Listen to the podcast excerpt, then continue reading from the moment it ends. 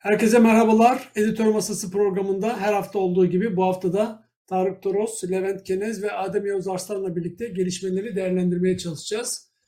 Ee, gene gündemler çok yığılmış durumda. Günler, haftalar geçtikçe Türkiye'de ve dünyada yaşananlar da ardı ardına devam ediyor biliyorsunuz. Türkiye siyaseti hareketli seçimlere doğru ilerleniyor. Yapılan her hamle, atılan, atılan her adım seçimle bağlantısı var mı yok mu bu şekilde analiz ediliyor. Kendi tekim zaten hepimiz biliyoruz. Özellikle Erdoğan seçimler öncesinde tamamen odaklanmasını buraya doğru çeviriyor. Ve yaptığı her işi hem uluslararası arenada hem Türkiye'de iç siyasetin içinde seçimlere odaklıyor. Bu şekilde olaylara bakmak, yorumlamak daha doğru oluyor diye düşünüyorum ben şahsen. Şimdi e, Türkiye'nin gündeminde aslında sorarsanız e, bu şekilde ilerliyor olmamasına rağmen bir anda bir sınır harekatı meselesi konuştular konuştular sonra bir bakmışsınız Taksim'de İstiklal Caddesi'nde bir eylem oldu. Arkasından uçaklar sınır ötesine geçti. Şimdi de bir taraftan Erdoğan bir taraftan onun kurmayları ordumuz yeniden sınırın ötesine geçebilir. Kara harekatı bugün, yarın, haftaya ya da her an diye böyle değişik cümleler kurarak başlatabilirler diyorlar. Şimdi programımıza isterseniz editör masası ilk önce Türkiye'nin bu güney sınırlarında gerçekleşen sıcak gelişmeleri değerlendirerek başlayalım. Sınır ötesi harekat hangi aşamada, hava harekatına karadan destekler nasıl gidiyor ve bunun yanı sıra gün geçmiyor ki yeni bir şehit haberi gelmesin. E, neler olup bitiyor bunları değerlendirmeye çalışalım. Önce istersen Levent Kene senden başlayalım. E, mutlaka sen de yakından takip ediyorsundur. Şehit haberleri eskiden çok daha Türkiye'nin gündemine gelir. E, bütün haber bültenlerinde bunlar konuşulur. Aileler görüşülür. Ailelerin görüntüleri ekrana getirilirdi.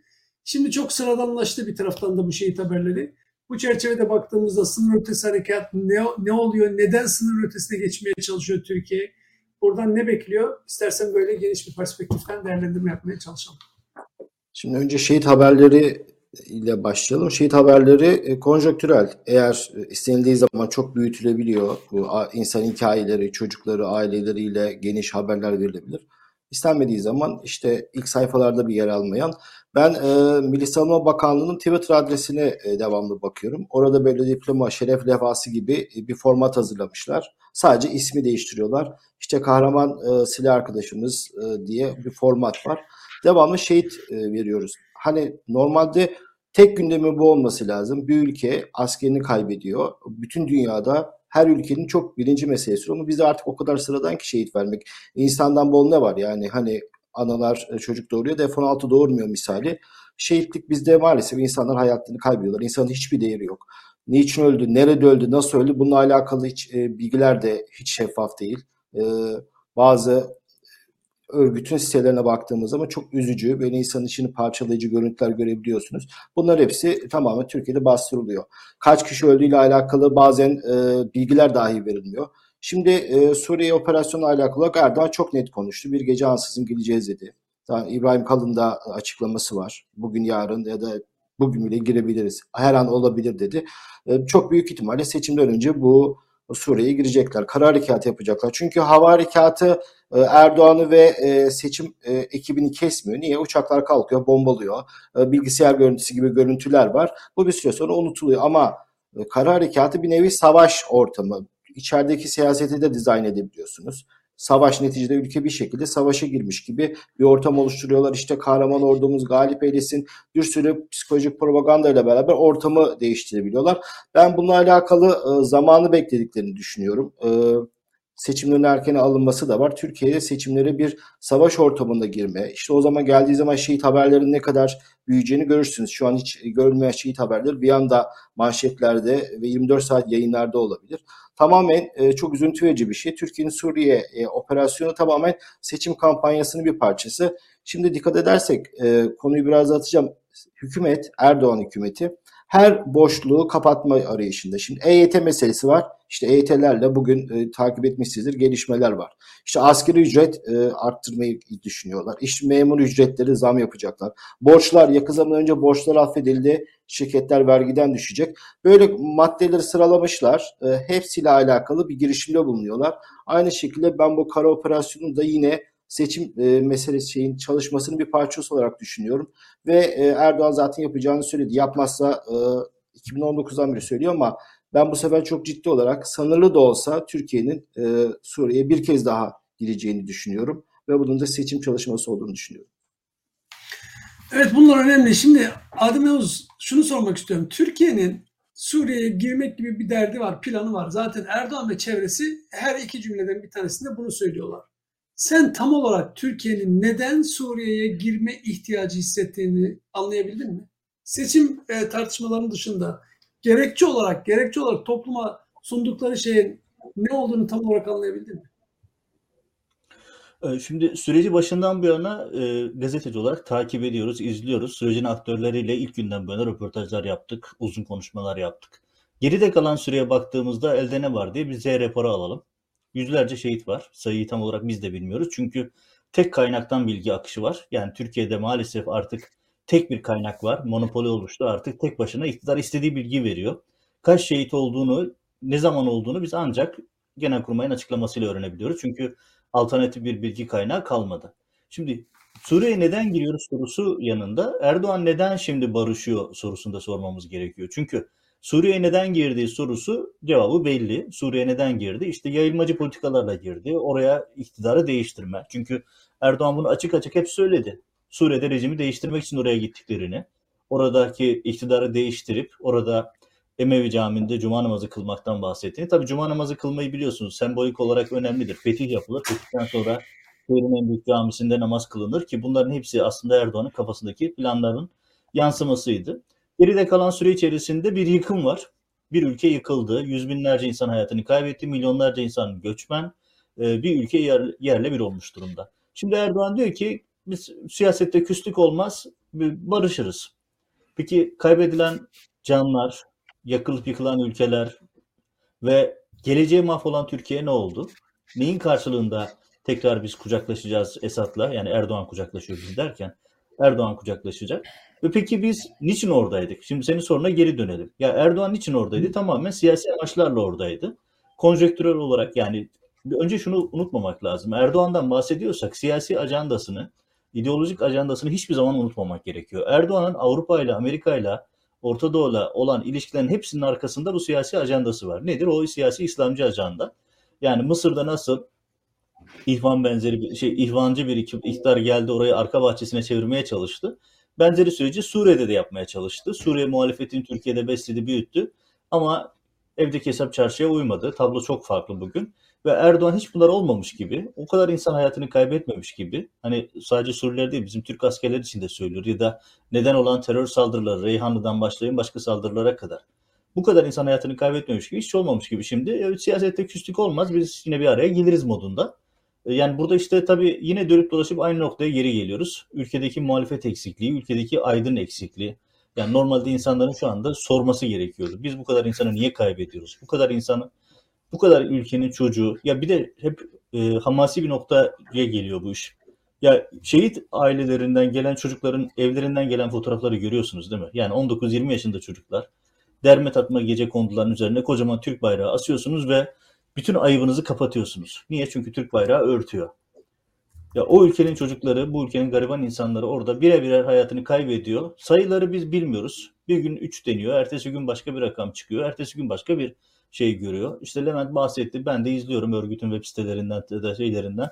İnanılmaz vahim görüntüler, iddialar var. Ve hiç kimse sorup Erdoğan'a ya bir dakika siz ne yapıyorsunuz orada? Bu kadar insanın hayatını niye kaybediyor? Bu ülkenin çocukları neden hayatını kaybediyor sorusunu sormuyor. Muhalefet Erdoğan'ın açtığı kuyuya çok rahatlıkla atlamaya hazır. Yani havuza atlamayı çok seviyorlar.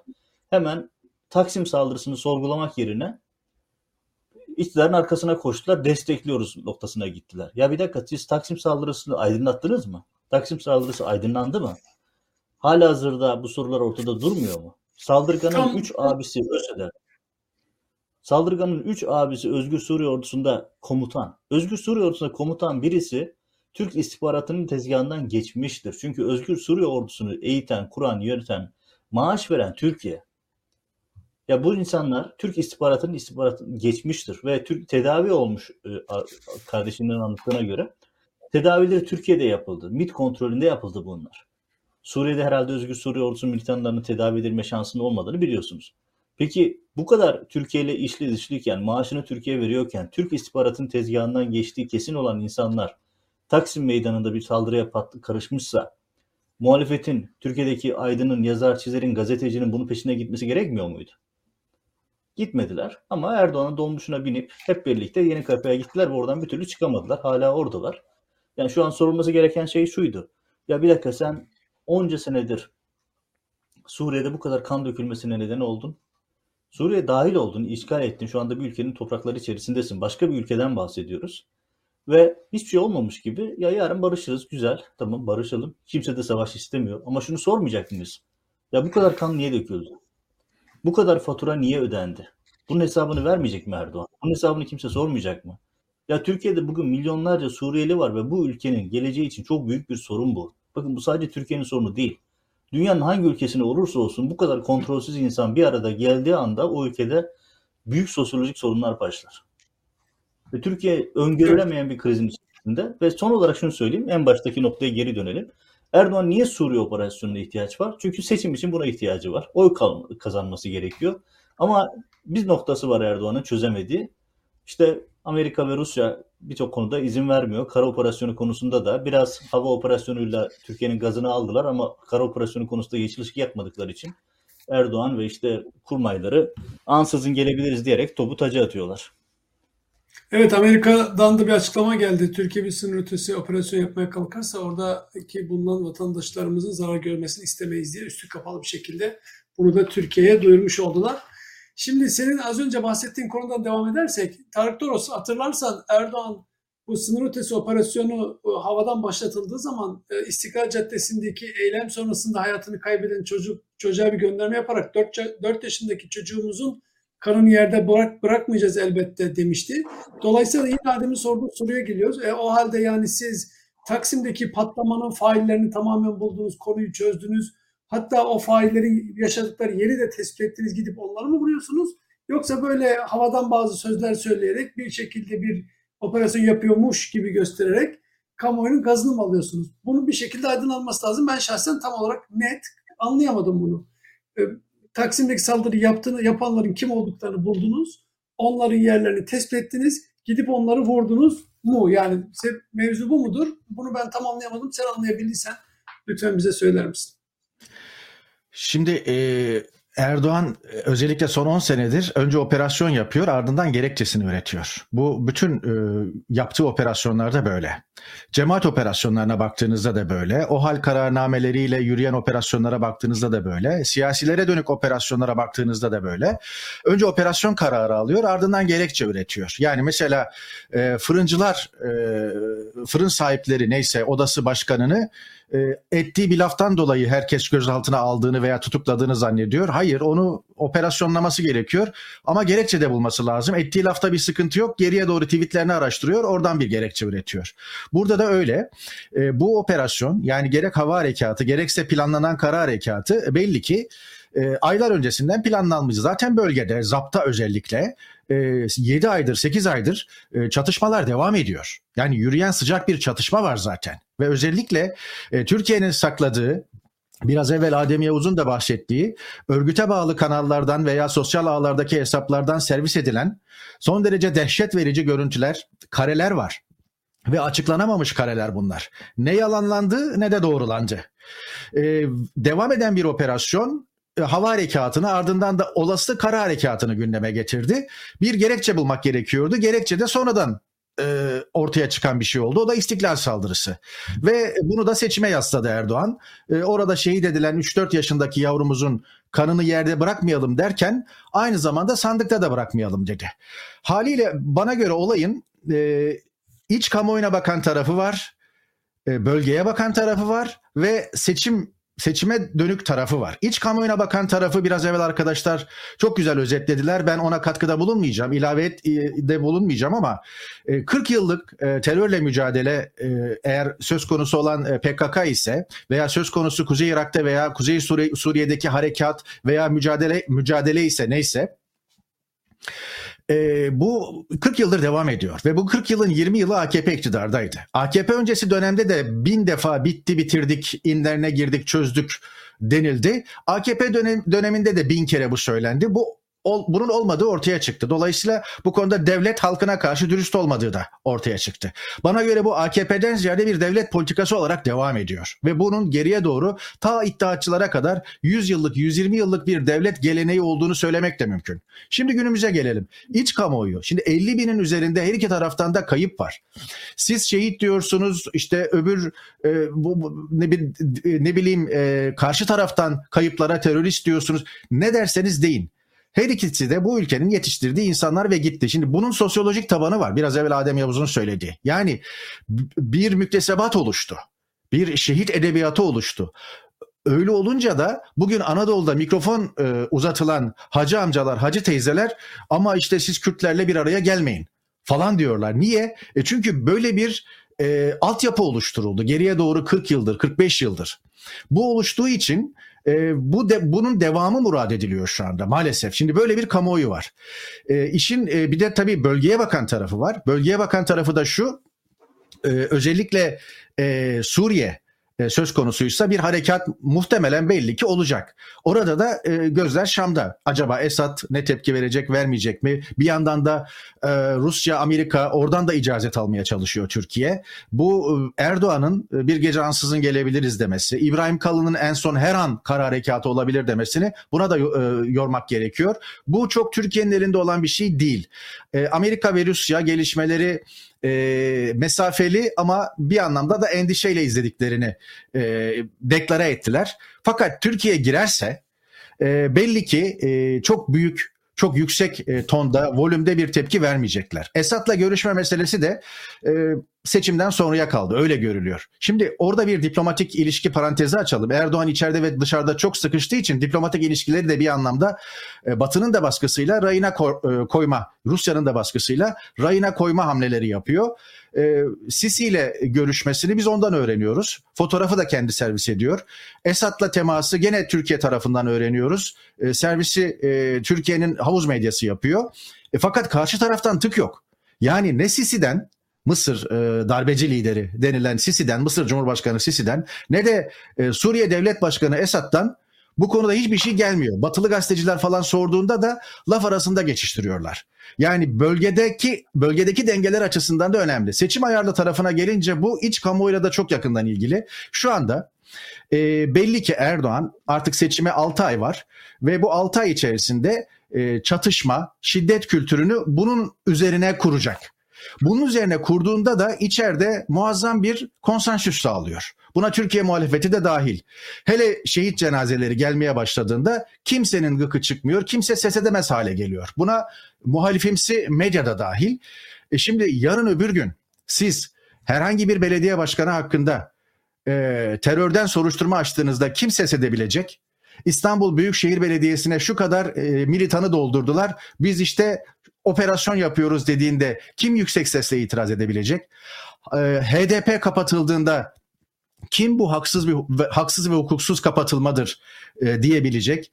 HDP kapatıldıktan sonra 600 ila 700 siyasetçi siyasetten yasaklandığında bunların bağımsız olarak e, aday olup meclise e, girmemesi de temin edildiğinde, girmesinin önüne engeller konduğunda kim yüksek sesle ya bir dakika olmaz bu falan diyecek. E, bu anlamda da herkesi bir anlamda hizaya e, sokmuş oluyor. E, çok taraflı, çok etraflı ve bir taşla bir değil, iki değil, üç, dört kuş vurmayı hesap eden bir strateji bu maalesef. Evet ben biraz daha konuya daha önceki haftalarda konuştuğumuz noktaya gelerek devam etmek istiyorum. O da şu Erdoğan'ın özellikle toplumda gerginlik oluşturma politikasını görüyorum. Bu aslında siyaset bilimine baktığımızda matematiksel bir karşılığı var. Belki daha önce de bunu konuşmuştuk. Toplumlarda ne kadar güvenlik sorununu arttırırsanız o kadar toplumlar, halk şu an ellerinde bulunan iktidara doğru daha yanaşmaya başlıyorlar. Kendilerini güvende hissetmeyen halk herhangi başka alternatif yönetimler seçmek yerine olan iktidar her nasıl olursa olsun onun yanında durmaya çalışıyorlar kendilerini daha iyi, daha güvende, daha sağlıklı hissetmek için.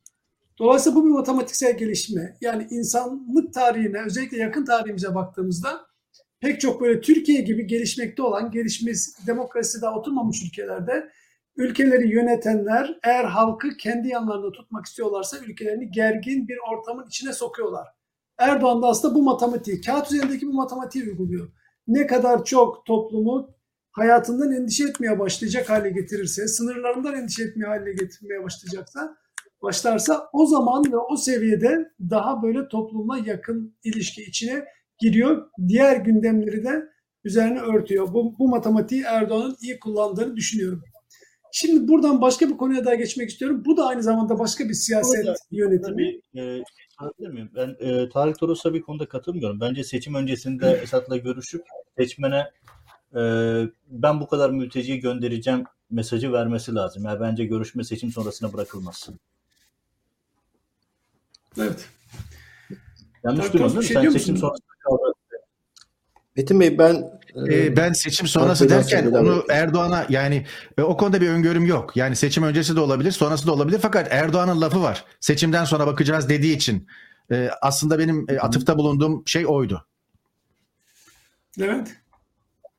Ben e, sizin söylediğinize ilave şimdi Türkiye iki seçime görece olarak Türkiye şartlarına sakin gitti. 2015 e, 7 Haziran seçimleri. Hani siyasi gerginlik vardı, polemikler vardı ama bu tür e, savaş durumu yoktu. 7 Haziran'da çoğunluğu kaybetti. Daha sonra ne olduğunu hepimiz biliyoruz. 1 Kasım'a kadar neler yaşandığını. Daha sonra 2019 yerel seçimleri var. O da göreceli olarak sadece siyasete gitmiştik. İstanbul Ankara'yı kaybetti. E, mutlaka bunu masaya koyup değerlendiriyorlardır. Sessiz sakin gidilen göreceli olarak Türkiye şartlarına göre söylüyorum. İki seçimde de çok istemediği sonuçlar aldı. Birinde çoğunluğu kaybetti, öbüründe İstanbul ve Ankara'yı kaybetti. Ben tekrar e, bir hata, böyle bir hata yapacağına ihtimal vermiyorum. Yani ne yapacağını düşünüyorsun? İşte bu tür savaş ortamı olacak, gerginlik olacak. Sizin dediğiniz gibi insanlar böyle devlet, aman am devletimiz sağ olsun. Bir tür böyle iç kamuoyunda büyük bir psikolojik harp oluşturacak. Ee, partiler toplantı belki yapamayacak. HDP'ler stand bile açamayacak. Şehit cenazeleri böyle iyi partileri taciz edecekler. Çünkü en çok rahatsız eden iyi Parti. E, Kürtlerle alakalı e, bence en büyük e, stratejiden bir tanesi sandığa gitmemeleri. Sandığa gitmemesi de bir nevi destek demek. Ama İyi Parti gibi e, e, milliyetçi kökenli bir e, seçmenlere de işte bu e, savaş, Kürtler, nefret, vatan, milletle yanına çekmeye çalışacak. Ben e, seçimlere sakin bir ortamda gideceğimize ihtimal vermiyorum. İnşallah yanılırım. Evet, bu konuyu başka bir yere bağlamaya çalışıyordum. İsterseniz oraya doğru geçeyim. Bir taraftan da ekonomi meselesine bakalım. Siyaset böyle. Siyasetteki gerginlik e, her şekilde e, iktidarın işine yarıyor. Ekonomide peki ne işe yarıyor diye bakarsak aslında biraz dünya siyasetine, dünya ekonomilerine baktığımızda ekonomisi gelişmiş ve özellikle ki bu yıllarda öyle söylüyorlar bundan 15-20 sene önce belki 30 sene önce bu biraz daha düşük bir rakamdı. Eğer ülkede ortalama milli gelir 10 bin doların üzerine çıkarsa o zaman toplumlarda demokrasi isteği arayışı daha da artıyor. Yani zenginleşen toplumlar demokrasiye çok daha yatkın oluyorlar. Ve bu seviye 10 binlerin altına düşünce bundan dediğim gibi 20-30 sene önce bu rakamlar 6 binler civarındaydı.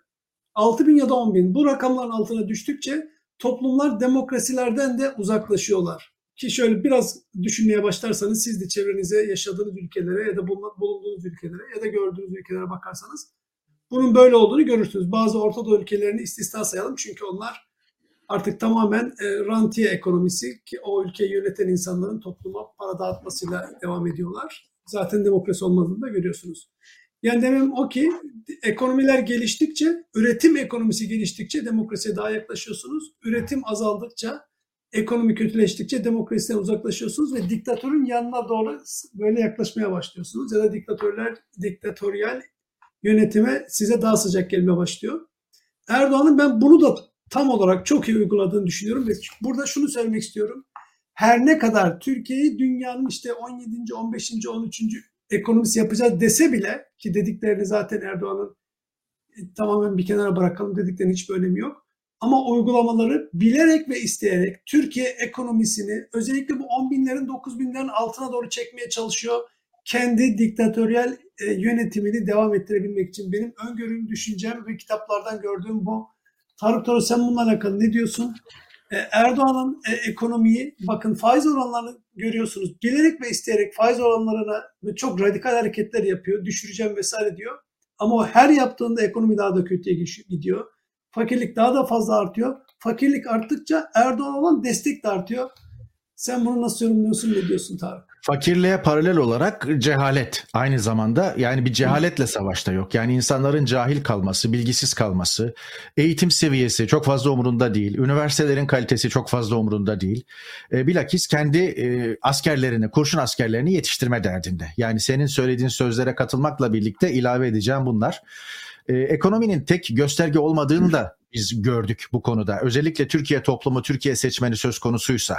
Yani 2014'te e, ekonomi görece iyi gidiyordu. Ondan dolayı da e, yapılan iki seçimde hem belediye seçiminde hem de 2014'teki Cumhurbaşkanlığı seçiminde e, halk AKP'ye ve Erdoğan'a oy verdi analizleri yapıldı. E şimdi ekonomi kötü gidiyor. Üç haneli enflasyonu görmüş durumda. Herkes inim inim inliyor e, iktidarda e, olayı market zincirlerine veya işte otomobil bayilerine falan e, fatura etme derdinde. Her neyse gene favori AKP ve Erdoğan. Dolayısıyla mesele tek başına ekonomi de değil. Mesele esasen tabanı e, bu biçimde konsolide etme. Yurttaş kültürü çok önemli. Arkadaşların söyleyeceklerini de önemsiyorum ve kendi ülkelerinden o deneyimleri de aktarırlarsa çok sevinirim. Şimdi e, geçen gün bir sokak röportajı seyrediyorum. Kadın uzatılan mikrofona dedi ki yani konuşmasına başlarken ben vergi mükellefiyim dedi. O kadar hoşuma gitti ki bu. Yani bizim insanımız vergi mükellefi değil yahu. Vergisini ödemiyor. Yani e, öğretmenler ne bileyim işçiler filan da götürüp vergi ödemiyor. Herkesin maaşından falan kesildiği için kimse kendini vergi mükellefi olarak hissetmiyor. Ancak tüccarlar, sanayici filan e, vergi mükellefi kabul ediliyor veya onlar kendilerini öyle hissediyorlar. Mesela Amerika'da güzel bir uygulama var. Ürünü üzerindeki etiketle aldığınızda çıplak fiyatı o. Kasaya gittiğinizde vergi ilave ediliyor ve o ürün için vergi ödediğinizi görüyorsunuz. Bu güzel bir uygulama. Hı hı. İngiltere'de bu yok. Ürünler KDV dahil satılıyor ama İngiltere'de şöyle güzel bir uygulama var. Herkes vergi mükellefi ve kazancının yüzde yirmisini o da en az daha yüksek kazanıyorsa bu oran artıyor. En az yüzde yirmisini e, vergi olarak her sene Ocak ayında ödüyor. Bunu götürüyor bizzat ödüyor. Dolayısıyla İngiltere'de maaşlar brüt yatıyor. Ve e, vergisini insanlar kendi ödediği için de insanlar kendini vergi mükellefi hissediyor. Şimdi Türkiye'de bu yok. Türkiye'de e, insanlar devletten geçinmeye bakıyor. E, yukarıda işte sanayici veya tüccar kesimi e, devlet olanaklarıyla zenginleşme derdindeyken aşağıda da Allah devlet başımızı başımızdan devleti eksik etmesin o olmasa ne yapardık deyip kendi maaşının peşinde veya maaşına ilaveten işte sağlığının veya ilacının peşinde, emekliliğinin peşinde, emekli ikramiyesinin yet- yetersizliğinden yakınıyor filan. Oysa e, Türkiye'de öyle çarpık bir sistem var ki şimdi e, emekliler bana kızacaklar biliyorum ama 20-25 yıl çalıştıktan sonra 30-40 yıl hatta 50 yıl boyunca devletten emekli maaş alan insanlar var. Öyle bir sistem yürümez çöker. Çökeceği gibi bir taraftan da üretimi falan da tamamen bitiriyor. İnsanlar üretmiyor. Nasılsa devlete sırtını yaslıyor. Ondan sonra bitti. Hayatındaki üretim aşaması bitti. Dolayısıyla özel sektör de gelişmiyor. Mutlaka bununla alakalı Adem'in diyecekleri de vardır. Hem yaşadığımız ülke itibariyle hem de genel çerçevede. Ya, ona gelirken bir şey söyleyeyim. Şimdi Tarık'ın hatırlattığı bir şey bana başka bir olay hatırlattı e, havuz medyasında ki zaten havuz medyasında işte medya kalmadı. E, konuşan bir tane profesör vardı. Bize cahil adam lazım diye böyle kasınarak anlatıyordu. Profesör Bülent Arı. E, adının karıştığı skandalı gördünüz değil mi? Doktor öğrencisine odasına gidip taciz etmiş. Polis gelip e, almış götürmüş. Baya bir olay çıkmış. Karakolda ifade vermek zorunda kalmış. İddialara göre e, diyelim. E, bayağı büyük bir rezalet. Yani hani hiç şaşırtmıyor hani bize cahil adam lazım diyen yetişmiş Sedat Laçiner gibi parlak beyinleri hapiste çürütenler böyle e, sapık zihniyetli insanları işte profesör olarak sağa sola yerleştirdiler. Onlar da ekrana çıkıp rahatlıkla bize cahil adam lazım okudukça problem çıkıyor. Çünkü AKP seçmeni tarif ediyordu. Bu şekilde yorumlayan bir insanla karşı karşıyayız. Ya burada e, hani hep yine aynı noktaya geri dönüyoruz. Erdoğan ne yaptığını bilerek oynuyor. Yani daha bu yola 2010'larda başladığında hani 2002-2010 dönemi o vesayetle mücadele adı altında kendi düzenini kurma girişimleri, geçiş bir dönemi. O dönem bambaşka bir dönem. İşte Hablemitoğlu dönem, cinayetiyle ilgili bölümlerde geldiğimizde yine konuşuruz bunları. Erdoğan o günlerde 2010'lardan itibaren bu düzeni kurmaya devam başladığında aslında bugünün planlarını yapıyordu ve tek hedefi tek parti rejimi kurmak, tek parti sistemi kurmak ve bir bakıma Suriye'deki Esad rejimini Türkiye'de kurmaktı. Bunu niye söylüyorum? Ya Erdoğan'la ilgili konularda hep unutulan bir şey var. Erdoğan'ın ajandası değişmiyor. Erdoğan'ın kafasının içerisinde o gizli ajanda dediğimiz nokta değişmiyor. Siyasal İslamcı bir ajanda var ve bu siyasal İslam'da ajandanın içerisinde demokrasi yok, insan hakları yok, hesap vermek yok. Bütün mekanizmaları bir bir mahvetti. Bütün mekanizmaları bir bir indirdi ve şu anda böyle bir kontrol sistemi yok. Şimdi Tarık'ın bahsettiği mesele. Ya Amerika'da da insanlar hep filmlerde geçen tabir. Ben Amerikan vatandaşıyım vergi veriyorum. Niye? Çünkü vergi çok can yakıcı bir şey. İnsanlar gelirlerinin çok ciddi bir kısmını vergi ödüyor ve vergi ödediği için de insanlar hesabını soruyor. Türkiye'de kimse vergi ödemediği için ve mecburen maaşlar hariç kimsenin de benim paramı harcıyorsun yani yolsuzluk konusunda bir hassasiyet oluşmuyor. Çok temel bir e, şeyle karşı karşıyayız, tabloyla karşı karşıyayız. Ama ben işin bu noktasında yine dönüyorum aynı şeye geri geliyorum. Ya hadi diyelim ki e, iktidar bunu yapmak istiyor. Ya bu ülkede hiç mi aydın, hiç mi sorumlu insan kalmadı? Herkes mi saraya teslim oldu? Hani biraz cesaret gösterebilecek insan sayısı niye çıkmaz? Yani sorarsanız hepsi muhaliftir. Ya şehitler meselesinde ekonomi istismar. Ya Erdoğan çıktı ben hala hazırda şunu gerçekten hayretler içerisinde izledim. Ya o Taksim'de hayatını kaybeden çocuğun hesabını sandıkta soracağız dedi. Ve muhalefeti de diğerleri de sözüm ona aydın yazarı çizeri de sesini çıkartmadı sustu pıstı böyle. Ya adam direkt olarak bana oy verin diyor ya. Bana oy verin daha çok insanı öldüreyim diyor. Ve böyle bir tablo içerisinde herkes sus pus işte şimdi de e, Kılıçdaroğlu 3 Aralık e, inovasyon toplantısı yapacak. Ne güzel yani hani bina yıkarken bunlar balkon direklerini boyuyorlar. Şu andaki tablo maalesef tam olarak bu. Katılıyor musun Levent böyle olduğuna? Kemal Kılıçdaroğlu'nun yeni bir paket açıklıyor olması. Biz tam yayına girmeden önce baktım yeni bir tweet attı. 3 Aralık'ı bekleyin diyor. Kendine göre bazı e, girişimlerde bulunuyor. Sen Adem'in bu dediklerine katılıyor musun? Aslında muhalefet yapması gerekenleri yapmıyor da onun yerine başka şeylerle oyalanıyor mu sence? Ya bir niye açıklayacaklar? Şimdiden erkenden hani bir şey söylemeyelim ama e, hiç kimsenin okumadığı bildiriler, uzun uzun konuşmalar. İnsanlar aslında çok basit mesaj vermeleri lazım. Ekonomik sorun nasıl çözeceğiz? Tık tık tık olması lazım. Ve şimdi ana kadar ki performans çok da başarılı değildi. E, her ne kadar e, kendisini geliştirmiş olsa da ısrarla 3 Aralık'ı bekleyin, 3 Aralık'ı bekleyin diyor. Zannediyorum ekonomi kurmaylarını açıklayacaklar. E, içerisinde Deutsche Welle'nin haberine göre bir Merkel'in eski bir danışmanı Alman da var e, stoper Alman stoper alıyorlar. Bakalım e, işe yarayacak mı? Onu e, konuşuruz. Bu vergiyle alakalı e, İsveç'te de vergi çok önemli. Malum burası bir sosyal devlet. İşte çocuk yardımları, okullar ücretsiz, sağlık hizmetleri ücretsiz, e, neticede geçim yardım vesaire gibi bir sosyal devlet. O yüzden herkes de vergisini e, vermek zorunda. Vergiler yüksek. E, vergi kurumundan gelen zarflar daha böyle kenara konur. Diğer kurumlara atarsın sağa sola sonra bakarım dersin ama vergi kurumundan gelen zarfı böyle direkt e, açarsın. O şekilde önemli.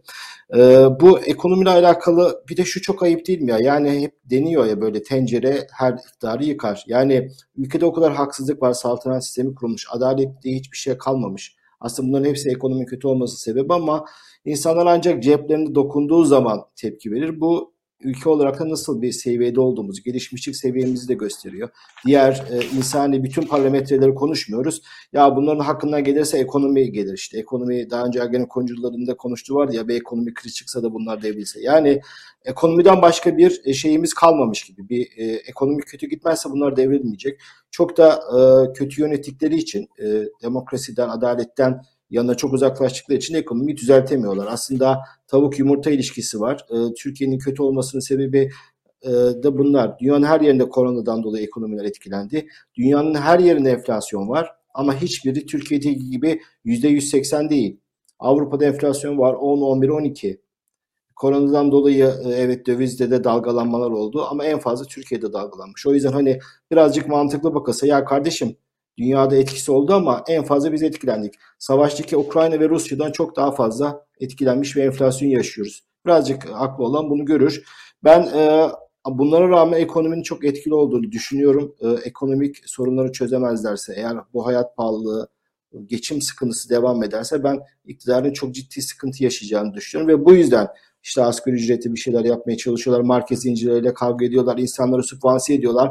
Bu tür diktatörlüklerde bu fakirlik sübvanse edilir. Yani fakirliği bir şekilde sübvanse etme dertleri. Evet, evet, burada araya girebilir miyim? Tam burada yani o son birkaç cümlene katılmayacağımı söylemek istiyorum.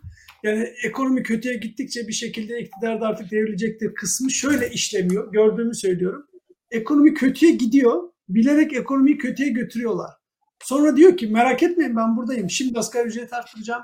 Şimdi çiftçiye destek vereceğim. Şimdi sanayiciye vergilerini kapatacağım vesaire diyor. Dolayısıyla herkesi kendine bağlıyor.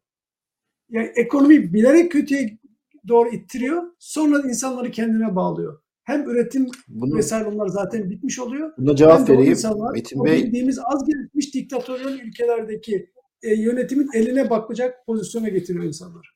Bunun sebebi alternatif muhalefet. Yani bunun e, bahsettiğinizin sebebi muhalefette. Muhalefet insanlara demek ki e, ekonomiyi daha iyi şekilde yöneticilere yönelik insanlara ulaşamamış. İnsanlara erişememiş. Ekonomik sorunları geliriz biz çözeriz diye demek ki mesajını güçlü bir şekilde verememiş. Öyle bir şey olsa insanlar hem geçim sıkıntısı yaşayıp hem daha iyi bir iktidar gelecekken mevcut iktidara vermez. İnsanlar rasyoneldir. İnsanlar çıkarcıdır. Çıkar odaklı oy verir. Hani tamam savaş ortamı yapacak. Bu yüzden zaten savaş ortamı yapıp şehitler gelsin istiyor. Ekonominin birinci konuşulan e, konu olmasını istemiyor. E, ben ekonominin çok güçlü bir faktör olduğunu düşünüyorum. 2002 krizini hatırlayın. Bütün dahil olan e, partiler sandığa gömülmüştü. E, bence e, paratura işleri önemlidir. O yüzden de zaten e, yurt dışından paralar neden ihtiyaçları var? Bu e, sistemi sübvanse edebilmek için e, ben ekonominin önemli olduğunu düşünüyorum. Eğer e, geçim sıkıntısı alakalı bir şey yapmazlarsa bu muhalefete rağmen e, ilk turda kesinlikle Cumhurbaşkanı seçilemeyeceğini düşünüyorum. Evet. Onu göreceğiz. Az kaldı zaten 6 aylık bir süre var. Buradan devam edelim istersen. Adem Yavuz Arslan sana bir soru sormak istiyorum. Demirtaş Öcalan'la görüşme talebinde bulunmuş. O tarafta ne oluyor? Neden böyle bir talepte bulunuyor? Sence görüşürse ne konuşmak isteyecektir? Ve bunu daha önce bundan yaklaşık iki ay önce Demirtaş'ın özel bir uçakla alınıp Diyarbakır'a götürülmesiyle sence bir alakası var mı? Seçimlerle bir alakası var mı? Erdoğan ya da MIT bu işin neresinde? E, senin analizin, yorumun ne bu konuda? Oraya geçerken bir soruyu soralım. Seçimin tarihi sizce ne zaman olur? Mesela Mart ayında, Nisan'ın başında olur mu? Ramazan bayramı hafta sonuna denk getirirler mi?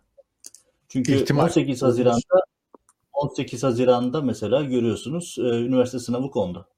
18 Haziran'da seçim yapılmayacak artık. Yani Sonra kaldırdılar gerçi. Hayır ama Yani, yani, daha Ali Babacan yani. Ali Babacan iyi koku alan isimlerden biri. AKP'yi Erdoğan'ın e, kodlarını da biliyor. E, Mart'ta baskın seçim olabilir. Hazırlığımızı buna göre yapalım dedi. Bunu not edin. İki, e, AKP tarafından gelen e, Ramazan ayında olmaz Ramazan'dan öncesinde yapalım hikayesi var. Bunu da bir kenara not edin. E, ÖSYM'nin açıkladığı üniversite sınavı tarihi iktidara sormadan açıklanacak bir şey değil. Bunu da bir kenara not edin. Bir seçim tarihi söz konusu olacaksa ondan iki ay önce seçim kararı alınması gerekiyor ki artık kampanya dönemi var vesaire bir sürü prosesi var o işin. Yani örnek örneğin eee 1 Nisan'da seçim yapacaksanız bu kararı e, 1 Şubat'ta almanız lazım. Haliyle bana göre altılı masa da e, çalışmalarını hızlandırdı. Seçim beyannamesini yıl sonuna yetiştirip Ocak 15 gibi ortak adayı e, açıklayacak gibi duruyor. O, haliyle e, Adem Yavuz'un sorusunu e, önemsiyorum. Bendeki cevabı bu. Ya bunu İsterseniz evet ya- yayının bu kısmını böyle bir kenarda tutalım. Ee, zamanı gelince tekrar yayınlarız gerekirse. Tamam, Şu bunu neden söyledim? Şuradan söyledim. Şimdi sen İmralı'yı sordun. Ben seçim takvimiyle geldim. Nedeni şu. Şu. Şimdi bizim hepimizin e, televizyon yöneticisi olduğumuz dönemlerde hatırlarsınız. Böyle devasa ana komanda masaları vardı. Onlarca yüzlerce düğmenin o ekranların olduğu. Şu an Erdoğan öyle çalışıyor. Masadaki bütün düğmeleri efektif olarak kullanmaya çalışıyor. Neden? İşte bir taraftan EYT gibi konular, bir taraftan minik konular ya düşünün işte göstergelerle ilgili küçük rakamlar ya da işte ne bileyim X ilindeki bilmem ne sorunu çözerek oradaki 3000 5000 oyun hesabını yapıyor. Şimdi aynı meseleyi Kürt meselesinde de yapıyor. Kürt meselesinde de Esad'la ilgili olan görüşme sürecinde de aynı şey söz konusu.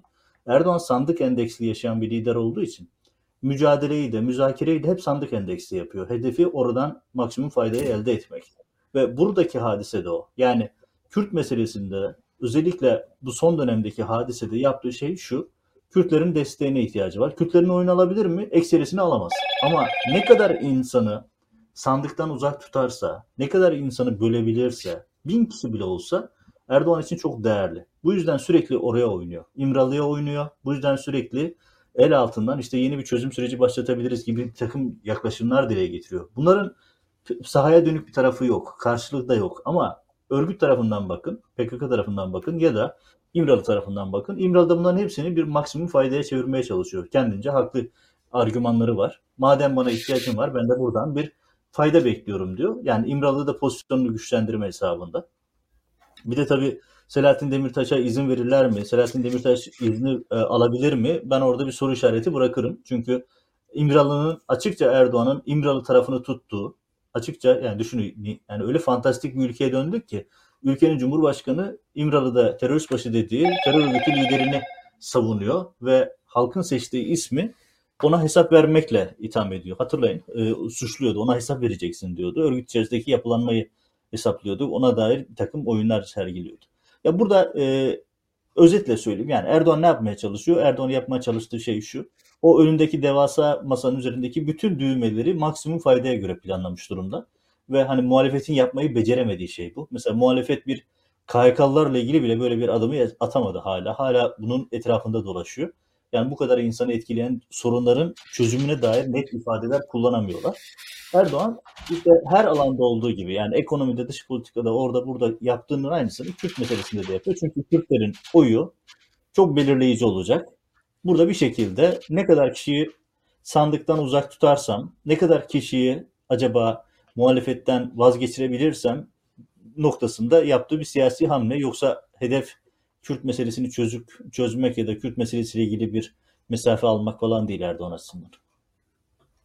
Peki e, Tarık Toros bu Demirtaş'ın yaklaşımını inceleyebildin mi? O, o ne, nasıl gerekçeler gösteriyor? Neden görüşmek istiyor? Ne, ne demek istiyor sence?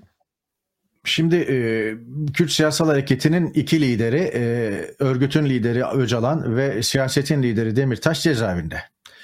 E, fakat her ikisi de etkin, etkili ki e, zaten e, bu e, iktidarı düşündürüyor. E, Erdoğan'ın e, geçtiğimiz e, Şubat ayıydı, şey, Ocak ayıydı galiba. E, 2022'nin Ocak ayı. E, Edirne'deki en büyük hesabı İmralı'dakine verecek lafını önemsiyorum. Ha şimdi diyebilirsiniz ki Edirne'deki en büyük hesabı İmralı'dakine verecekse e, neden kapıları açmıyorsunuz? Edirne'dekini İmralı'ya götürün bakalım hesaplaşsınlar. E, o işler çok fazla öyle yürümüyor. Şimdi Erdoğan'ın hesabı seçimi kazanmak. E, Kürtlerin hesabıysa e, bir biçimde e, çözüme ulaşmak veya kendilerini kabul ettirmek veya Kürt siyasal hareketini hedefleri neyse e, o hedefleri gerçekleştirmek. Biz şeyi karıştırıyoruz. Yani karıştırdığımız konu şu. Eğer Kürtler, Kürt siyasal hareketi seçimden önceki dönemle seçimden sonraki dönem arasında bir fark olmadığını görürse kimin seçildiğinin bir önemi yok. Bilmiyorum söylediğim anlaşıldı mı? Ondan dolayı da Kürt siyasal hareketi yani Kürt siyasal hareketini ya da HDP'yi, HDP bir çatı partisidir unutmayın. Bir çatı partisi olarak HDP'yi veya HDP'nin hareketlerini analiz ederken böyle analiz etmemiz lazım. HDP sıradan bir muhalefet partisi değil. Yani HDP için seçimden sonra durumlarda hiçbir değişiklik olmayacaksa Erdoğan da olabilir, başkası da olabilir. Çünkü HDP'nin meselesi devletle. Devletin değişmediğini gördüğü sürece e, seçimde oyların nereye gideceği veya gitmeyeceğini çok fazla önemseyen bir siyaset siyasal, siyasal hareket değil. Ondan dolayı da bana göre Erdoğan bu damarı kaşıyor. Şimdi yüzde elliyi de karıştırıyoruz biz. Yüzde elli şu. Şimdi ben bir apartman yöneticisi olacağım örneğin. Daha basit olsun diye izah ediyorum. 10 daireli bir apartmanda yönetici olacağım. 3 oyun var.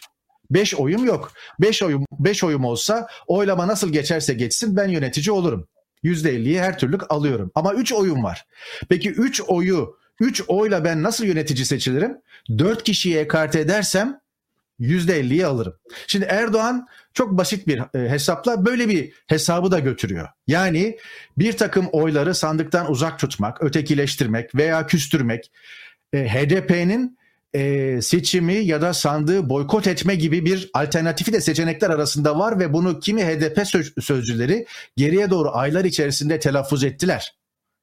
Bunu da akıldan uzak tutmayalım ama bana göre Kürt siyasal hareketinin en makul mantıklı ve ileriye dönük siyaset üreten ismidir. Selahattin Demirtaş dört duvar arasında izin verilen gazeteler, izin verilen televizyon, televizyon kanalları dışında bir de avukat görüşmeleri dışında başkaca hiçbir kaynağı olmadığı halde, başkaca hiçbir görüşmesi olmadığı halde bunu yapabiliyor. Onu önemsiyorum. Bir şey daha önemsiyorum. Onunla bağlayayım. Sedat Bozkurt Kısa Dalga Net'te geçtiğimiz günlerde bir yazı yazdı. O yazıda Demirtaş'a atfen dedi ki dışarıda olsam Kandil'e gider ya beni burada öldürün ya da silah bırakın derdim. Ya beni burada Hı. öldürün Kandil'e gidiyor Demirtaş ya beni burada öldürün ya da silah, silah bırakın derdim diyor. Demirtaş avukatları aracılığıyla ben böyle bir laf etmedim diye bunu yalanladı. E, bunu da bir kenara koyalım. Unutmayalım son derece önemlidir. Demirtaş'ın İmralı'da ziyaret yani İmralı'yı ziyaret talebini ya da Abdullah Öcalan'la bir yerde görüşelim talebini bundan bağımsız okumamak gerekiyor bence. Evet enteresan. Peki Levent Gene sen Tarık Toros'un bu değerlendirmesine katılıyor musun? Demirtaş'ın Türk siyasetinde hala yıllardır hapishanede olmasına rağmen en etkili figürlerden bir tanesi olduğu tezine katılıyor musun? Şüphesiz e, HDP ya da o çizginin Kürt Siyasal Hareketi'nin birçok partisi olduğu değil mi? Aklımızda kalan bir genel başkan var mı? Yok. Demirtaş gibi hiçbirisi Türkiye'ye mal olmadı. Hiçbirisi popüler olmadı. E, hiçbirisi de bu kadar etkili olmadı. E, yapılan yakın zamanda yapılan bir ankette Demirtaş'ın Kürt HDP seçmeninde çok daha Öcalan'dan daha etkili olduğu dair bir sonuç çıkmıştı. Ben e, Demirtaş'ın son e, başvurusu bu Sekbüs üzerinden Öcalan'la görüşmesini bir e, taktik olarak e, görüyorum. Neden? E, o dilekçeye bakarsın, incelersin Öcalan'la alakalı çok e, övgü dolu sözler var. Öcalan ne zaman konuşsa Türkiye rahatladı, Öcalan ne zaman konuşsa barış mesajı getirdi vesaire gibi. Öcalan'ı da e, pohpohlayan bir mesaj var. İkincisi Demirtaş Öcalan'ı ihanet etti, davaya ihanet etti gibi alttan alta pişirilen bir söylem var. Bu e, dilekçeyle neticede e, hem Öcalan'ın övgüler var hem de konuşmak istiyor, ondan mesaj getirmek istiyor şeklinde ben bir e, taktik olduğunu düşünüyorum e, Demirtaş adına. Hiç kimse yeni bir aktörü beğenmez. Şimdi Öcalan Demirtaş'tan çok mu memnundur ya da Kandil Demirtaş'tan çok mu memnun zannetmiyorum. Neticede Demirtaş'ın bu kadar etkili olmasının hepsi rahatsız. Ama Demirtaş'ın hem şey yapmadan, ihanet etti demeden işini yürütmesi lazım. Hem de bu aktörlerle iyi geçinmesi lazım. sosyolojik bir gerçek var, bölgede gerçek var. Bunlara dikkat ederek yürüdüğünü düşünüyorum. Ee, onun dışında yoksa Demirtaş'ın e, bu Cumhurbaşkanı seçimleri alakalı olarak e, vermiş olduğu röportajlar var. Mesela Kılıçdaroğlu'na çok yeşil ışık yaktı. Ama şu an HDP yönetimine baktığın zaman kendi adayını çıkarmaktan bahsediyor. Belli bir e, farklı düşünceleri var. O düşüncelerle alakalı olarak insanların şey yaptığı gibi ihanet etmedi. Yine e, şeylere bağlı oldu. Usul Erkan'a bağlı oldu. O şeyde hareket ettiğiyle alakalı bir düşünce olduğunu düşünüyorum. Eğer e, Öcalan neticede siz başvuruyorsunuz. Bir şekilde karşı taraf da var değil mi? Karşı taraf sizinle görüşmek istemezse böyle bir şeye başvurmazsınız. Eğer bu görüşme olursa bu demektir ki Öcalan da görüşmeyi kabul etti.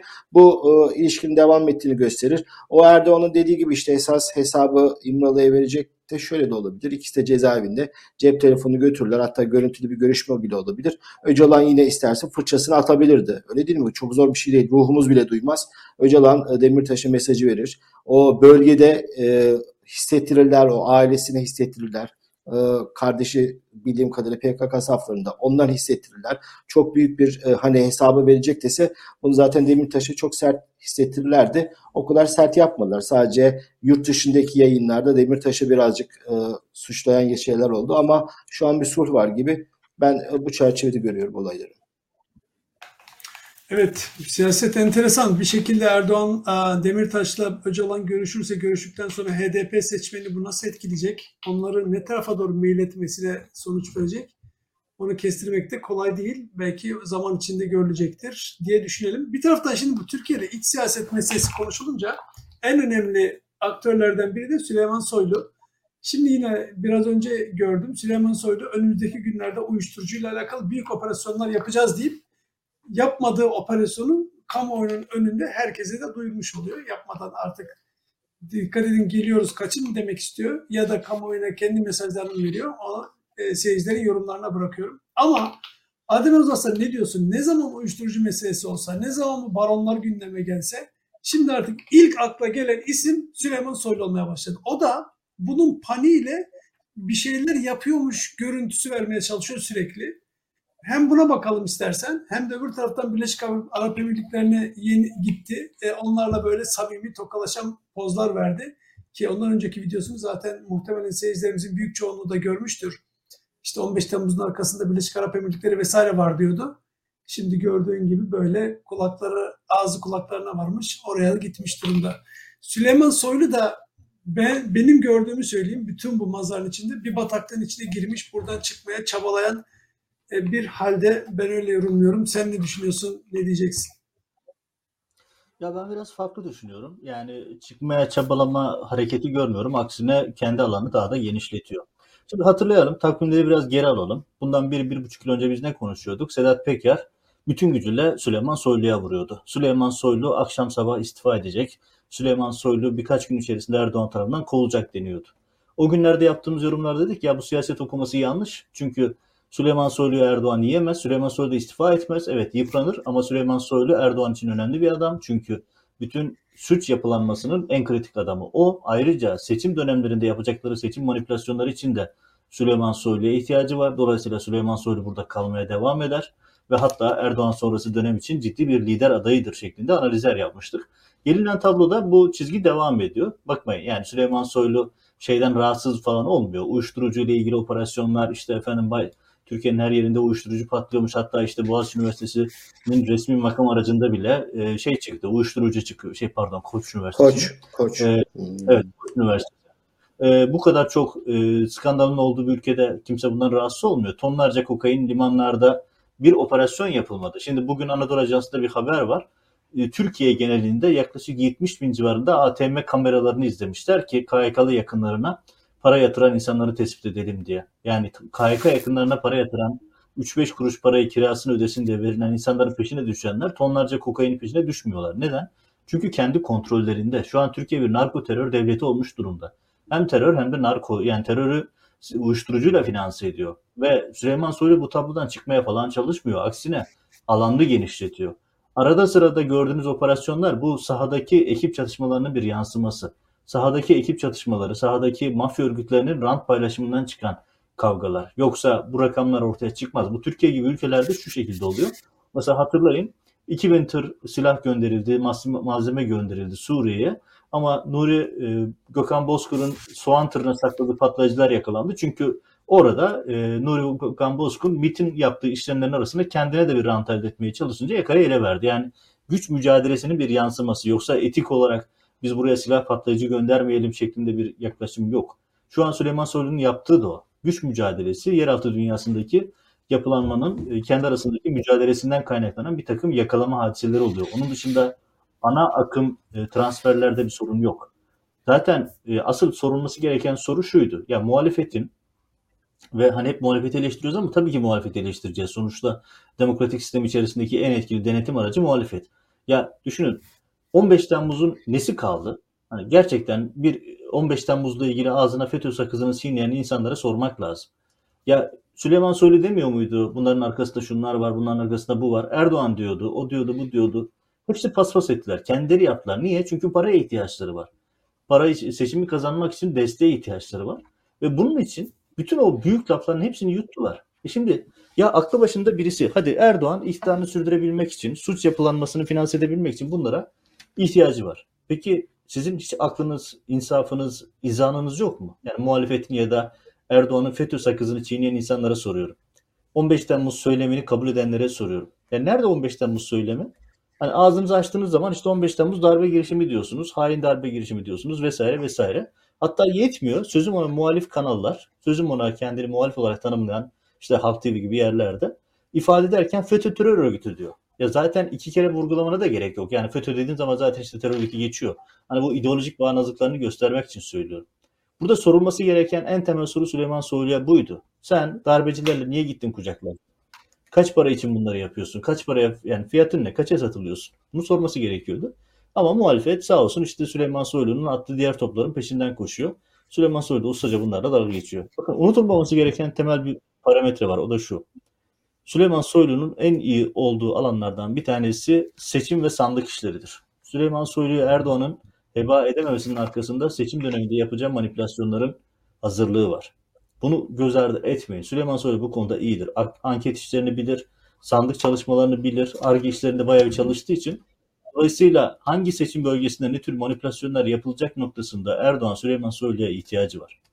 Bu yüzden de Süleyman Soylu her anda alanı genişletiyor. Bir diğer nokta şu. AKP içerisinde kulisleri hepimiz duyuyoruz. AKP içerisinde anormal rahatsızlık var Süleyman Soylu'dan. Çünkü Süleyman Soylu emniyet içerisinde paralel bir istihbarat yapısı kurdu. Paralel bir yapı kurdu. Bakın yanında götürdüğü adamlardan bir tanesi Holoğlu'ydu. Holoğlu'nu biz nereden biliyoruz? İllegal dinlemelerden biliyoruz. Böyle Pemuklarına götürdüğü Resul Holoğlu. Peki ne yapıyor bunlar? Ya bunlar emniyette sivil mühendis adı altında vesaire deyip kadrosuz bir şey, sınavsız ve şeysiz bir şekilde istisnai kadro adı altında emniyete aldılar bunları ve tamamen Süleyman Soylu'ya bağlı paralel bir istihbarat yapılanması kurdular. Bu yapılanma sadece piyasada muhalifleri falan izlemiyor. AKP'lileri de izliyor. Erdoğan'ı da izliyor. AKP'lilerin sağda solda yaptığı, çevirdiği dolapları da izliyor. Bu yüzden herkes AKP'de Süleyman Soylu'dan nefret ediyor ama hiç kimse sesini çıkaramıyor çünkü Süleyman Soylu'nun elinde kocaman kocaman dosyalar var. Hani bazı AKP'li evet. samimi bir şekilde destekleyenler şunu diyebilir. Ya çok e, e, suç yapılanması gibi tanımlıyorsunuz. Evet öyle tanımlıyoruz çünkü realite bu. Erdoğan ve AKP bir suç yapılanması ve devleti kullanıyor. Devlet üniforması giymiş, beline silahını takmış, cebine kimliğini koymuş bir yapılanmadan bahsediyoruz. Mafya devlet üniforması giymiş vaziyette.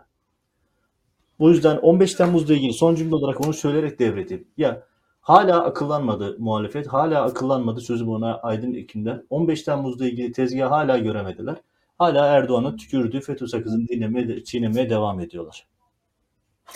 Tarık Toros, peki sen Adem Yavuz'un söylediklerine katılıyor musun? Yani Erdoğan Soylu'yu ona mahkum olduğu için mi tutuyor? Yoksa kendisine yardımcı olmak, seçimlerde yardımcı olması için mi tutuyor? Öbür taraftan e, diyor ki bütün bu yıpranmalara rağmen Adem Yavuz e, Soylu kendi etki alanını genişletmeye devam ediyor diyor. Bunlara sen katılıyor musun? Yoksa yıprandığı tezine mi daha yakınsın? Şöyle ki yok büyük ölçüde katılıyorum. E, yıprandığı yıprandığı ortada. Yani e, Mayıs 2021'den itibaren Peker videoları e, bir ara gerçekten e, Soylu'nun bütün e, mevcut itibarı neyse Türkiye sınırları içerisinde yerle bir etti. E, şimdi küllerinden tekrar ayağa kalkma e, hamleleri bunlar ve bu konuda da bayağı bir başarılı oldu. Yani e, özellikle bu işte Birleşik Arap Emirlikleri'nde verdiği görüntü, e, Türkiye içinde e, bir takım konularda e, öne çıkması, e, yer yer Erdoğan'la veya Ankara'yla, Saray'la e, bozuşsa veya araları limoni e, bir pozisyon alsa bile e, bu konuda e, son derece cesur. Yani kaybedeceği hiçbir şey yokmuş gibi. Çünkü düşerse e, gidecek. E, ondan dolayı da e, elinden geleni ardına komuyor. Böyle bir tarafı var. E, muhtemelen Erdoğan sonrası liderliğe oynuyordu. Fakat Sedat Peker o imajı aldı götürdü büyük ölçüde. Fakat e, dediğim gibi amacı, hedefi bu. E, kifayetsiz bir muhteris. E, Erdoğan'la ilişkisine gelince Erdoğan Erdoğan açısından mutlaka Soylu'nun bir yedeği yok. Şey bir yedeği var. E, fakat bunu yapamıyor. E, Erdoğan bir koalisyon. Yani bunu da akıldan uzak tutmayalım. E, özellikle 2018'den bu tarafa hatta 2017'den bu tarafa bir koalisyon ve bir koalisyon olmadan e, iktidarını sürdüremiyor. Sadece MHP değil bu koalisyonun bileşenleri içerisinde pek çok bileşen var. E, Soylu da o bileşenlerden biri. Yoksa Soylu'yu görevden alıp çok rahat yerine hiç kimseyi bulamazsa Efkan Ala'yı getirebilir. Efkan Ala hazırda bekliyor. E, çok da fazla haz ettiğini zannetmiyorum ama bir koalisyon anlaşması mutabakatı gereği e, onun pozisyonunu sürdürdüğü e, kanaatindeyim. E, Soylu da yer yer Erdoğan'a bağlılık bildirerek, kendi siyasi hayatını Erdoğan'ın siyasi hayatına falan endeksleyerek, böyle beylik laflar falan kurarak bir anlamda e, şimdilik benden sana bir zarar gelmez e, demeyi sürdürüyor. Belli ki şu aşamada dereyi geçerken at değiştirmeyecek Erdoğan. Seçime kadar Soylu idaresinde e, götürecek ülkeyi ki Soylu demek e, bir anlamda e, seçim güvenliği açısından da tırnak içinde söylüyorum. Erdoğan'ın seçim güvenliği, sandık güvenliği açısından da son derece önemli. En azından bu konuda amaçları bir ve tek.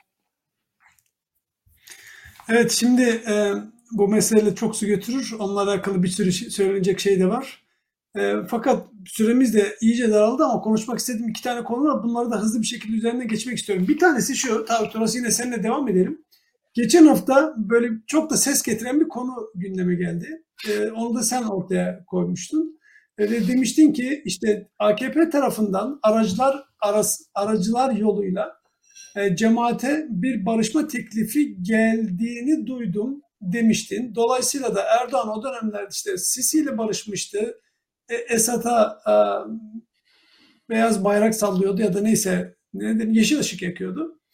E, ve dolayısıyla bu barışma havası dalgasında cemaate de yönelebilir mi tartışması vardı. Sen orada böyle bir kulis bilgiye de sahibim demiştin. Bununla alakalı bir konuyu açar mısın? Ve aynı zamanda tartışmalardan bir tanesi şu. Cemaate karşı cemaate böyle bir AKP tarafından bir yaklaşımda bulunursa cemaat sizce ne yapar diye konuşmuştuk. Senin bununla alakalı ekleyeceğin geçen haftaki bu oluşturduğun dalgaya söyleyeceğim bir şey var?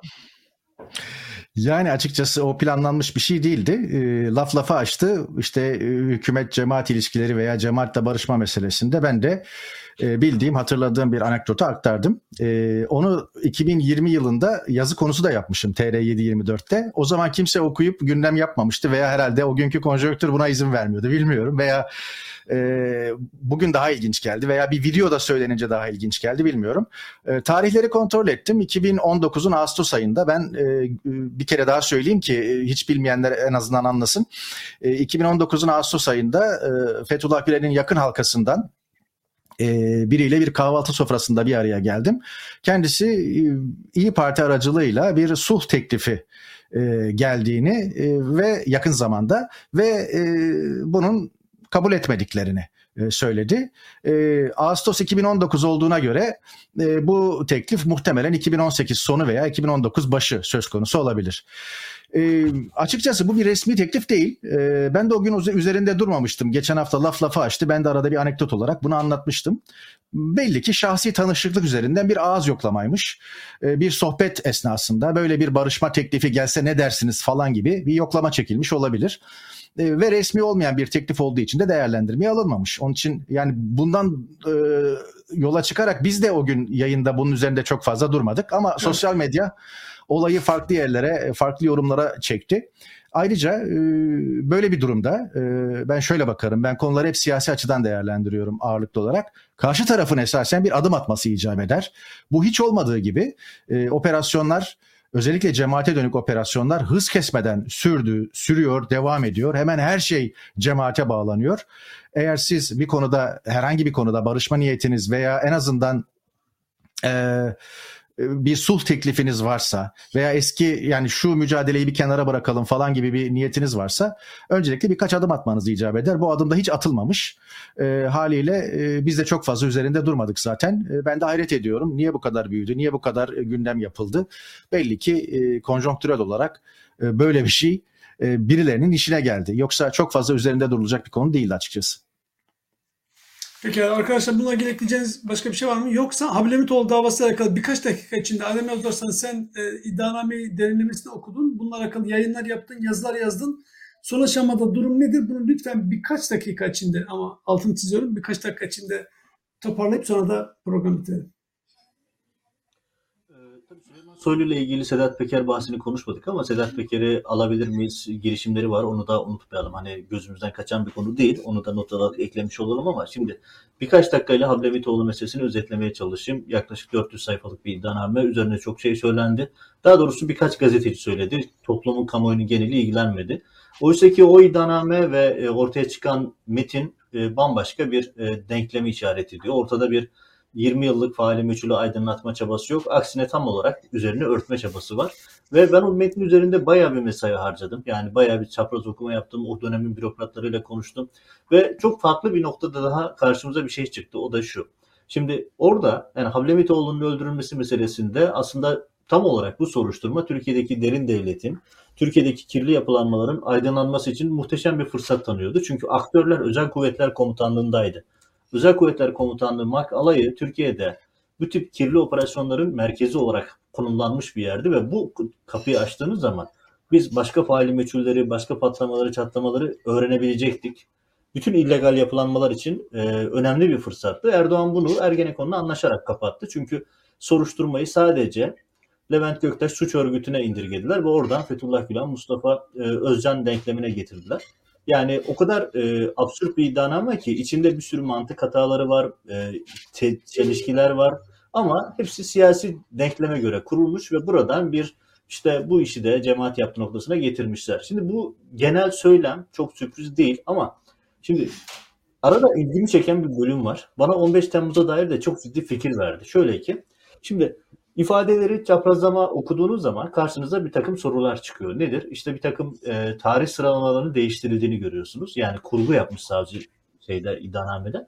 Ama bir nokta dikkatimi çok çekti benim. Mesela şimdi Özel Kuvvetler Komutanlığı dediğimiz yapı özellikle de MAK Alay Komutanlığı zaten ifadelerde Nuri Bozkun ifadelerinde var, başka ifadelerde var. E, Tarkan Mumcuoğlu'nun ifadelerinde var. Zaten bu kirli yapılanmayı ifşa ediyor. Yani kayıt dışı görevler, kayıt dışı silahlar ve bu silahlara dair e, bir takım şahitlikler var.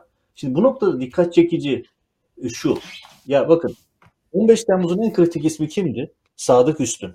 En kritik isimlerinden diyeyim daha doğrusu ismi demeyeyim isimlerinden. Neden?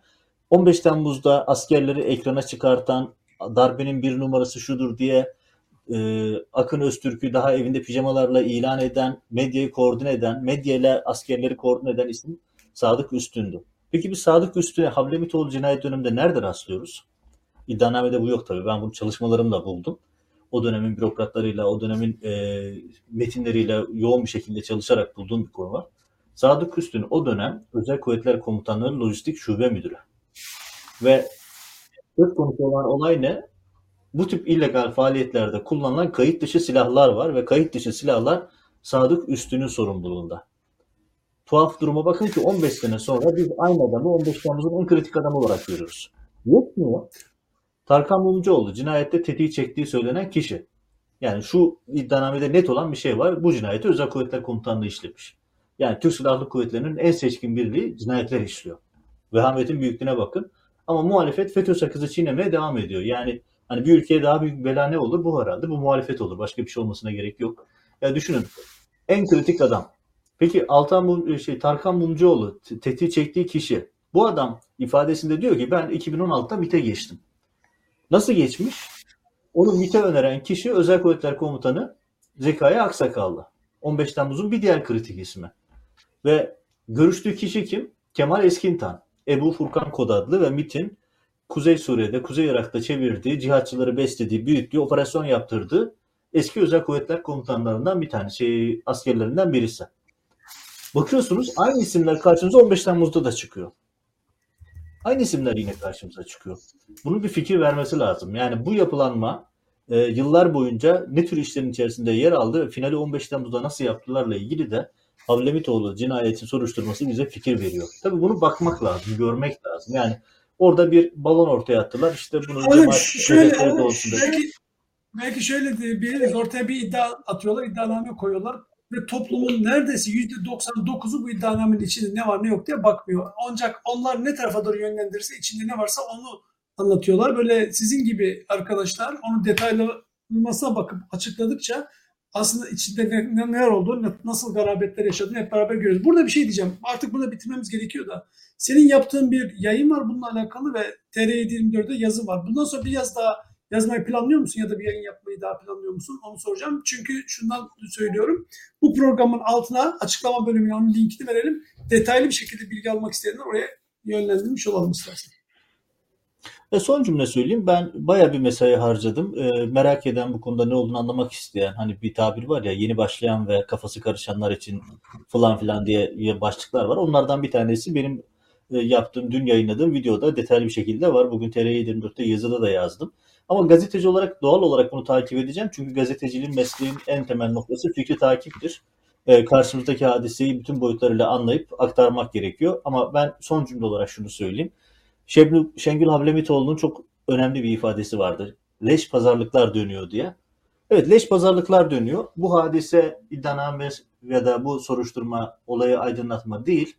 Aksine bir takım kirli operasyonları ki bunun içerisinde Erdoğan rejiminin yaptığı büyük kirli operasyonlar da var üzerini örtme faaliyeti. Herhalde en başta Şengül Hablemitoğlu'nun isyan etmesi gerekirdi ama o da henüz bir şey söylemedi. Bakalım takip edip göreceğiz. Evet yönetmen arkadaşımız Zafer Bey'den rica edelim. Yayının açıklama bölümüne senin bahsettiğin kendi kanalının linkini ve TR24 yazın linkini koyarsa oradan detaylı bilgiye ulaşabiliriz. E, Levent gene sadece 30 saniyen var sonra bitiriyoruz.